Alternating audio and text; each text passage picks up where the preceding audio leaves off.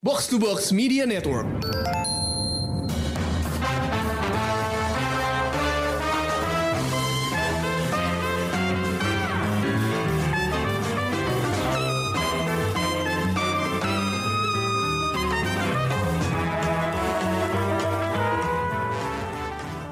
Pendengar Showbox, balik lagi ke episode Out of the Box eh, yang kedua di bulan Agustus ini. OTB Agustus ngebahas eh, topik-topik random seperti biasa.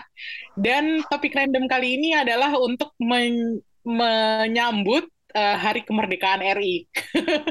ya nggak, Chris? Iya, iya 17-an ya bentar lagi.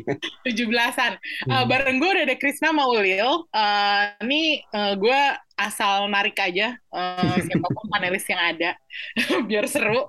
Eh, ini kita punya tema sekarang eh, untuk OTB kali ini adalah nggak ada alasan buat nggak nonton, yaitu koleksi film-film Indonesia yang eh, sekarang tayang di OTT. Nah, kalau lo perhatiin sekarang film Indonesia tuh makin banyak kan di OTT. Lo mau sebut aja klik film, Netflix, Disney Plus, semuanya punya film Indonesia. Uh, jadi gue pengen tahu apa yang bisa lo baca dari perkembangan ini, mulai dari Krisna. Eh, pertama ya pertama sih kalau dari sisi apa ya sebag untuk untuk eh, industrinya dari si OTT-nya sendiri kalau gue sih ngeliatnya kayaknya mereka sadar ya kalau potensi pasar di Indonesia tuh gede banget potensi penontonnya.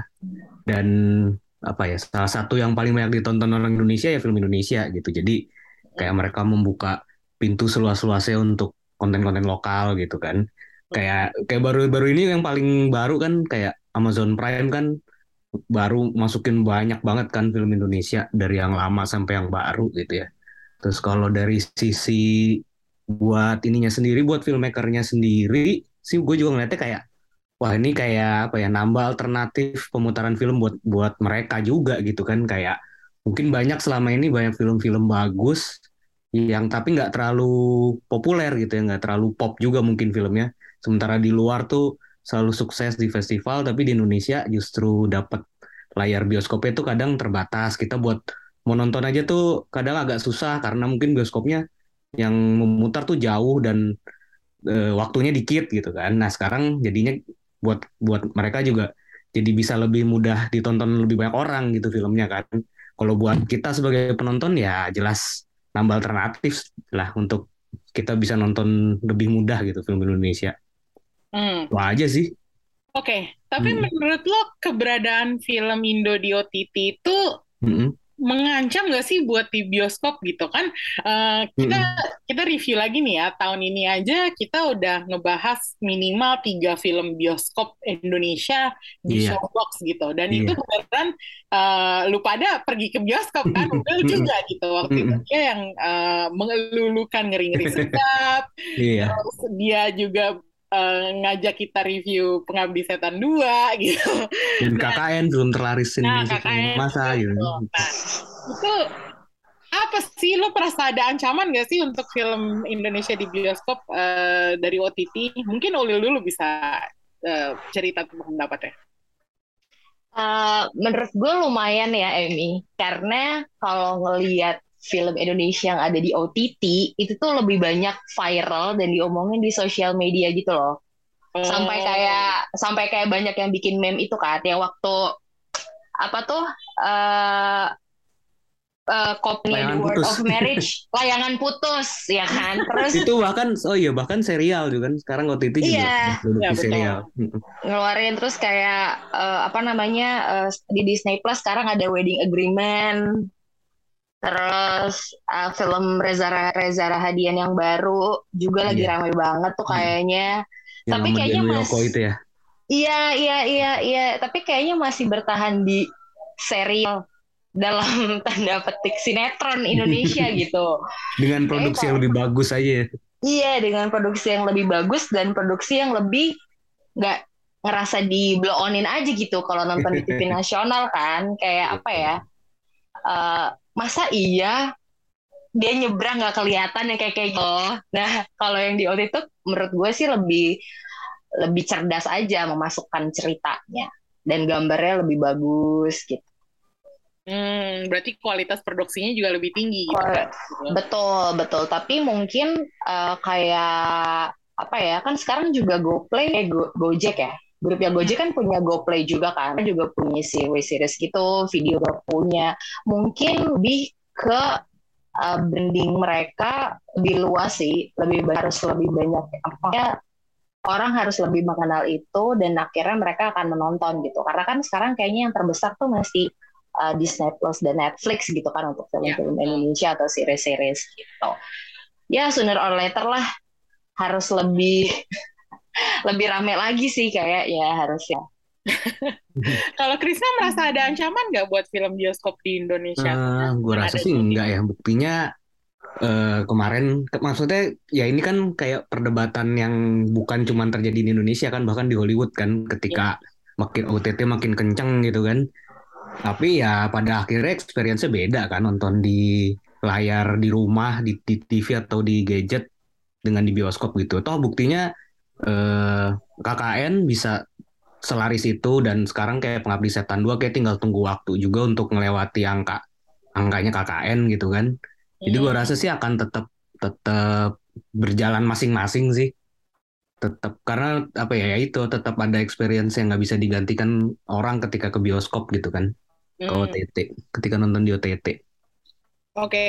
uh, eh, hmm. tadi lo udah nyebut Amazon Prime, Chris. Uh, hmm. Apa sih yang bisa lo sharing dari informasi mengenai film Indonesia di Amazon Prime? Karena gue belum sempet nih, hmm. belum sempet ngulik gitu. Jadi hmm. karena lo udah duluan, lo aja. oh, iya iya. Iya yang yang paling gue ya kan kemarin mereka tiba-tiba mengumumkan banyak banget kan eh, konten-konten lokal kan. Teman yang paling menarik ya terus eh, jelas ini sih Before Now and Then-nya Kamila Andini kan karya terbarunya hmm. setelah Yuni gitu kan yang ternyata eksklusif di Prime gitu kan. Dan ini kan hmm. film bukan film sembarangan gitu kan sebenarnya dia premiernya aja di Berlin International Film Festival gitu kan terus Laura Basuki-nya pun menang best supporting best supporting performance gitu. Oh, oke. Okay. Dan si Camila Andina sendiri masuk nominasi untuk uh, sutradara gitu kan. Jadi bukan film yang sembarangan sih. Itu yang baru tayang gitu ya, yang yang beneran film baru gitu ya. Nextnya juga dia bakal ada ini sih ya, apa Perfect Strangers yang apa uh, ada remake dari film Itali. Itu oh. itu juga bakal bakal di Amazon Prime tuh 17 Oktober sih masih itu kan itu film yang gue pernah baca itu kayak rekor paling banyak di remake gitu udah di remake sama 18 bah di, apa 18 bahasa. Buset. Dan ini ntar pemain-pemainnya lumayan gede-gede juga kan ada Vino Bastian, ada Darius Sinatria, ada uh, Denny Sumargo, Jessica Mila, Adipati Dolken dan lain-lain gitu sih. Terus apa lagi ya? Uh, ya next ya selain itu kan yang paling menarik mereka ngeba bahkan ngebawa ini kan film-film erotis Indonesia dari tahun 90-an. Iya. Iya. Yang yang biasanya dibintangi oleh kayak Sally Marcelina, Phoebe Lawrence dan kawan-kawan gitu-gitu kan mereka bawa juga gitu kan. Yang mungkin kalau generasi kita familiar lewat poster-posternya di bioskop non 21 gitu kan. Itu itu menarik juga sih mereka mereka bawa apa uh, rombongan film itu banyak banget. Hmm, oke. Okay. Hmm. Tapi ini masih akan datang ya, maksudnya belum tayang sekarang ya? Yang Perfect Stranger saja sih yang akan datang. Kalau oh. yang kalau yang tadi gue sebut selain itu udah tayang sih. Hmm, oke. Okay. Hmm. Um, nah sekarang lu sama Ulil uh, punya nggak film yang menurut lo ba harus banget lo tonton sekarang karena udah ada di OTT. Maksudnya ada nggak rekomendasi film yang baru lo tonton atau lo tonton lebih dari sekali atau nggak sempet nonton di bioskop eh sekarang ternyata nemu di OTT dan akhirnya nonton gitu. Ada nggak yang yang kayak gitu sekarang? Yang baru ya?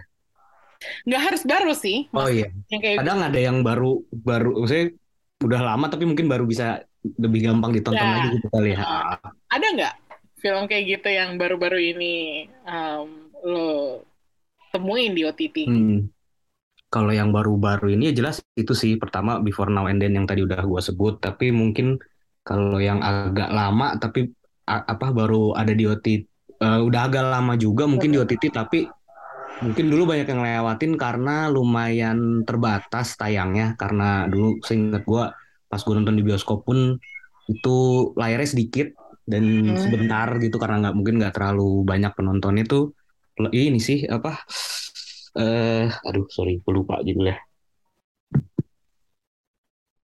Ayo. Romance, sorry kok gue jadi lupa romance, horror. Lovely Man Lovely Man Lovely Man-nya Oh, Teddy Suryatmaja Heeh. itu kan Damara ya? kayak banyak ah Doni Damara sama ya sutradara Teddy Suryatmaja itu kan dulu lumayan eh, susah ya untuk dicari filmnya setelah Hmm. turun dari bioskop terus akhirnya ada di Netflix tuh dulu gue langsung nonton lagi sih itu kayak harus ditonton lebih banyak orang sih Le- masih ada ya sekarang? masih masih ada di Oh, Netflix masih ada. Hmm. Oke, kalau Lil apa? Kalau gue ini juga gue lebih agak lama sih.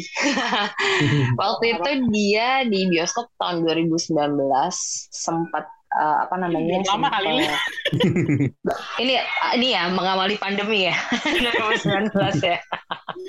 Rasanya udah lama karena pandemi, tapi Iya. ternyata iya bener Benar. itu judul filmnya Rom eh, Tui Fortiare yang mainin Oh. Reza Rahadian sama Ray Hanun. Terus ada Arifin Pur Arifin Putra juga, ada Citra Kirana juga. Eh, ini filmnya tentang apa? eh, mereka mereka sepasang suami istri, tapi komunikasinya nggak bagus karena kesibukan masing-masing, jadinya curigaan tuh. Akhirnya pisah. Eh ternyata mereka nggak bisa pisah gitu. Ternyata ya emang harus benerin cara komunikasinya. Balik lagi, tapi struggle-nya mereka waktu mau pisah dan sama-sama kehilangan tuh berasa banget sih. Di 2019 kayaknya ini lumayan cukup lama di bioskop karena mungkin Reza Rahadian juga kali ya pada saat itu masih wangi banget. Jadi gue sempat mengulang ini dan kalau terakhir yang bener-bener gue kelewatan dari bioskop gue nonton di OTT udah imperfect sih. tuh iya Oh. Di Netflix juga ya Imperfect Iya, imperfectnya Ernest ya, Jessica Camila ya Jessica Mila. Iya, Hmm.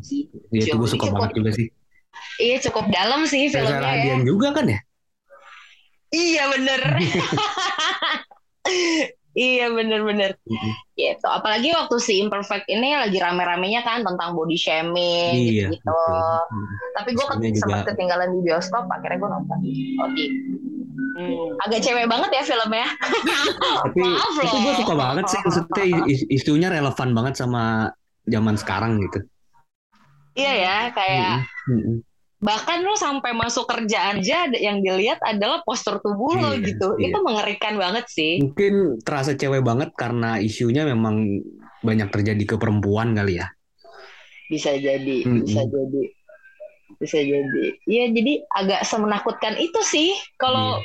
walaupun ini belum pernah terjadi di gue ya, maksud gue kayak kalau emang benar ada beberapa perusahaan segala macam kayak gitu cukup menakutkan sih. Mm-mm. Dan agak ngena juga gak sih lo berasa desperate-nya dia harus Iya. eh, urusin badan, di keluarga juga kena pressure dibandingin sama adek lo, gitu-gitu loh.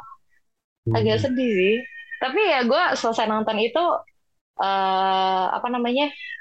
eh apa ya terpenuhi kayak puas gitu loh. karena kan filmnya sebenarnya nggak berat juga kan Iya, iya. komedi iya, iya. justru kan sebenarnya Komedi, betul, betul. Sama cek toko sebelah juga menarik sih kalau ditonton ulang. itu sih pasti sih. Cuman Ya, gue nggak mau ngerekomendasiin cek toko sebelah karena orang pastinya udah tahu lah ya. iya sih, bener. Nonton ulang Iya, berkali-kali iya. nggak bakal bosan gitu. Cuman Iya, iya, kalau iya. yang pengen gue rekomendasiin sebenarnya harusnya tadinya film bioskop tapi nggak taunya nongol duluan di OTT karena pandemi. Jadi dalam hal ini OTT itu sangat menyelamatkan. ya di OTT eh pas selama pandemi ya Iya itu Sama dia. Nah, filmnya adalah Sobat Ambiar, film yang di ah gitu. iya Itu gue pertama kalinya nonton film Indonesia di OTT, percaya atau enggak? Karena gue Oke. sebelumnya, karena gue sebelumnya eh, nonton film Indonesia hanya tahunya di bioskop kan. Hmm. Terus waktu itu eh, hostnya Showbox yang sebelum ini, Lisa, itu ngajakin kita review Sobat Ambiar, meskipun akhirnya nggak jadi karena masalah waktu gitu. Mm-mm. Jadi gue udah nonton duluan dan gue baru sadar bahwa film ini tuh harusnya film bioskop. Kalau Iya betul. kalau betul, muncul betul, di betul. bioskop pasti laris manis gitu. Cuman ternyata kan karena pandemi jadi nggak bisa tayang di bioskop. Akhirnya gue nonton di Netflix dan gue sangat menikmati film itu entah kenapa. Mungkin karena Itu bagus, gue suka juga itu. Iya, dan- Ya. mungkin karena efek pandemi kali ya karena udah lagi bete-betenya di rumah terus nggak ada kerjaan banget gitu Terus Filmnya ternyata- ringan, menghibur gitu kan. ya terus ternyata ada film yang kayak gini itu tuh lumayan entertaining dan Mm-mm. akhirnya gue jadi buka Spotify dengerin lagu-lagunya di Lagu-lagu. gitu. Sobat Amir. Ya, Lumayan ya. iya, jadi Mas- banyak orang dengerin lagu Didi Kempot lagi kan. Nah, dan maksudnya kalau lo bandingin sama misalnya KKN di Desa Penari Mm-mm. ini ini tuh eh, filmnya logat Jawanya lebih otentik loh Iya, itu Ya, banyak beneran. yang muji itu. Karena kayak iya aktornya juga beneran lokal kan. Kalau Iya, itu dia makanya. Jadi eh, film OTT itu nggak selamanya eh, kalah dari film bioskop. Kalau menurut gue, film yang ha- yang harusnya tayang di bioskop dan langsung tayang di OTT aja ternyata bisa ada yang bagus gitu. Mm-mm. Jadi lo nggak perlu nggak perlu takut kualitas turun istilahnya meskipun lo nonton film Indonesia yang di OTT. Kalau menurut gue sih itu sih intinya Hmm. adalah ya lo nggak perlu takut gitu dan beneran udah nggak ada alasan buat lo nggak nonton film Indonesia sih. Mana ceritanya lebih variatif yang seperti Ulil bilang tadi gitu. Terus uh, film-film penghargaan juga ada gitu kan seperti yang kita sebutkan di um, Amazon Prime tadi. Jadi uh, ya intinya adalah inilah saatnya lo untuk mulai nonton film Indonesia. Gue rasanya mulut sampai berbusa gitu. nah, ngomongin film Indonesia di OTT uh, selama sepanjang tahun ini gitu. Cuman uh, kalau misalnya lo emang nggak ada waktu apa nggak ada waktu buat ke bioskop ya OTT lah Mm-mm. tuh jadi beneran nggak ada alasan buat nggak nonton Ya. intinya sih Hmm. gitu ya nggak sih Betul. Benar, benar, benar. Makin banyak lagi yang apa serunya kan mereka mulai bikin apa sih OTT OTT ini juga mulai bikin original Indonesia kan. betul original itu ya, dia kayak kayak Netflix kan kayak ada the, ada The Big Four kan yang dibikin Iya. Timo Tjahjanto kan. Yang Ya. kayaknya genrenya juga lumayan unik gitu kan, action komedi gitu kan. gue Terus ada menantikan ya sama series juga sih menariknya. Ali Ali Ali and the Queen apa tuh? Ali-ali kalian yang Ratu ratu-ratu Queen. Iya, itu Iya. juga originalnya. Ta- Tapi itu kayaknya masih license di original license kalau nggak salah ya lupa gue. Oh, Jadi eksklusif. Eh, gue lupa sih nggak tahu deh. Eh, iya ya, apa itu dulu ya yang benar-benar original ya? And Eh, Ratu tapi Ratu yang pasti menarik juga bakal ada serial. Mereka bakal bikin serial juga kan akhirnya untuk Indonesia kan. Mm-mm, Kretek kan. nah itu dia Kamila Andini sama Iva Isfansyah juga yang bikin. Oke, seru dengan tuh. keberadaan OTT gue rasa sih uh, channel kreatif buat filmmakernya jadi Iya, membuka Lebih banyak. tambah. membuka lebar gitu ya nggak sih Mm, mm, mm. Oke, itulah dia tadi bahasan kita tentang film Indonesia di OTT. 17 Agustusan, kalau lo nggak mau keluar rumah, nggak mau upacara bendera, ya lo nonton aja film Indonesia di OTT. sih, kalau gue, nggak usah pusing-pusing gitu. Oke, segini dulu diskusinya. Sampai ketemu di episode uh, Out of the Box berikutnya. Bye-bye. Bye. Bye.